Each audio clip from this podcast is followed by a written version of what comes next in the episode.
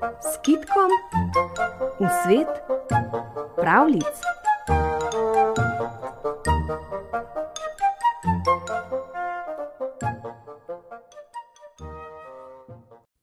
Kokoš perica, italijanska ljudska pravljica. Nekoč je živela perica brez otrok. Nekega dne, ko je obešala perilo, je videla kokljo, za katero sta stopicljala piščeta, in rekla je: Mati božja, tudi če bi storili, da za hčer dobim kokoš, bi bila zadovoljna. In tako se je res rodila hči kokoš. Perica je bila zadovoljna, lepo je skrbela za njo, in kmalu je hči postala zajetna kokoš, kakršne še nikoli nihče ni videl. Nekega dne je kokoš začela krožiti po hiši in govoriti: Ko, ko, daj mi perilo, da ga gremo prat. In ves dan je ponavljala te litanije. Perica se je nekaj časa delala gluho, potem pa je izgubila potrpljenje in ji je vrgla staro krpo. Kokoš jo je ujela s kljunom in zaplahutala. Plahutala je, dokler ni prispela na zapuščen kraj. Odložila je krpo na tla in na mesto krpe se je prikazala palača. Kako se je uspela po stopnišču in skozi glavna vrata vstopila v palačo. In v tistem trenutku se je spremenila v lepo gospodično.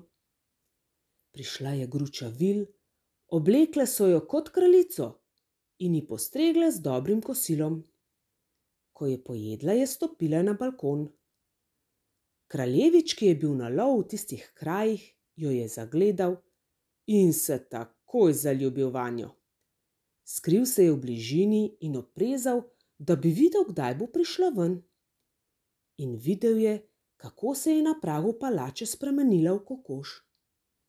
Kokoš je kljunila v palačo, palača se je spet spremenila v krpo in kokoš je s krpo v kljunu odletela. Kraljevič je stekel za njo. Koliko hočete za to kokoš? je vprašal perico. Niti za vse zlato sveta je ne prodam, je odvrnila reva. Toda kraljevič je tako dolgo ustrajal, da ga perica ni mogla zavrniti in se je ločila od svoje hčere kokoši. Kraljevič jo je odnesel na dvor in ji pripravil gnezdo v košari blizu svoje postelje. Zvečer pa je šel plesati. Kokoš je počakala, da je šel iz sobe, na to se je otresla, se spet spremenila v gospodično in pohitela na ples še ona. Ko je vstopila v plesno dvorano, jo je kraljevič prepoznal. Takoj je stekel domov pogledati v košaro, in ko je tam našel le kokošje perje, ga je vrgel v ogenj. Na to se je vrnil na zabavo in plesal z gospodično. Pretvarjal se je, da je ni prepoznal. Domov se je vrnil pozno in kokoši ni bilo. Kraljevič je legel in se pretvarjal, da spi. Videl je, kako čisto potihem po konicah prstov stopa gospodična. Mislila je, da je nihče ne vidi, zato se je vrnila po svoje perje šla je k košari, a kokošjega perja ni bilo več.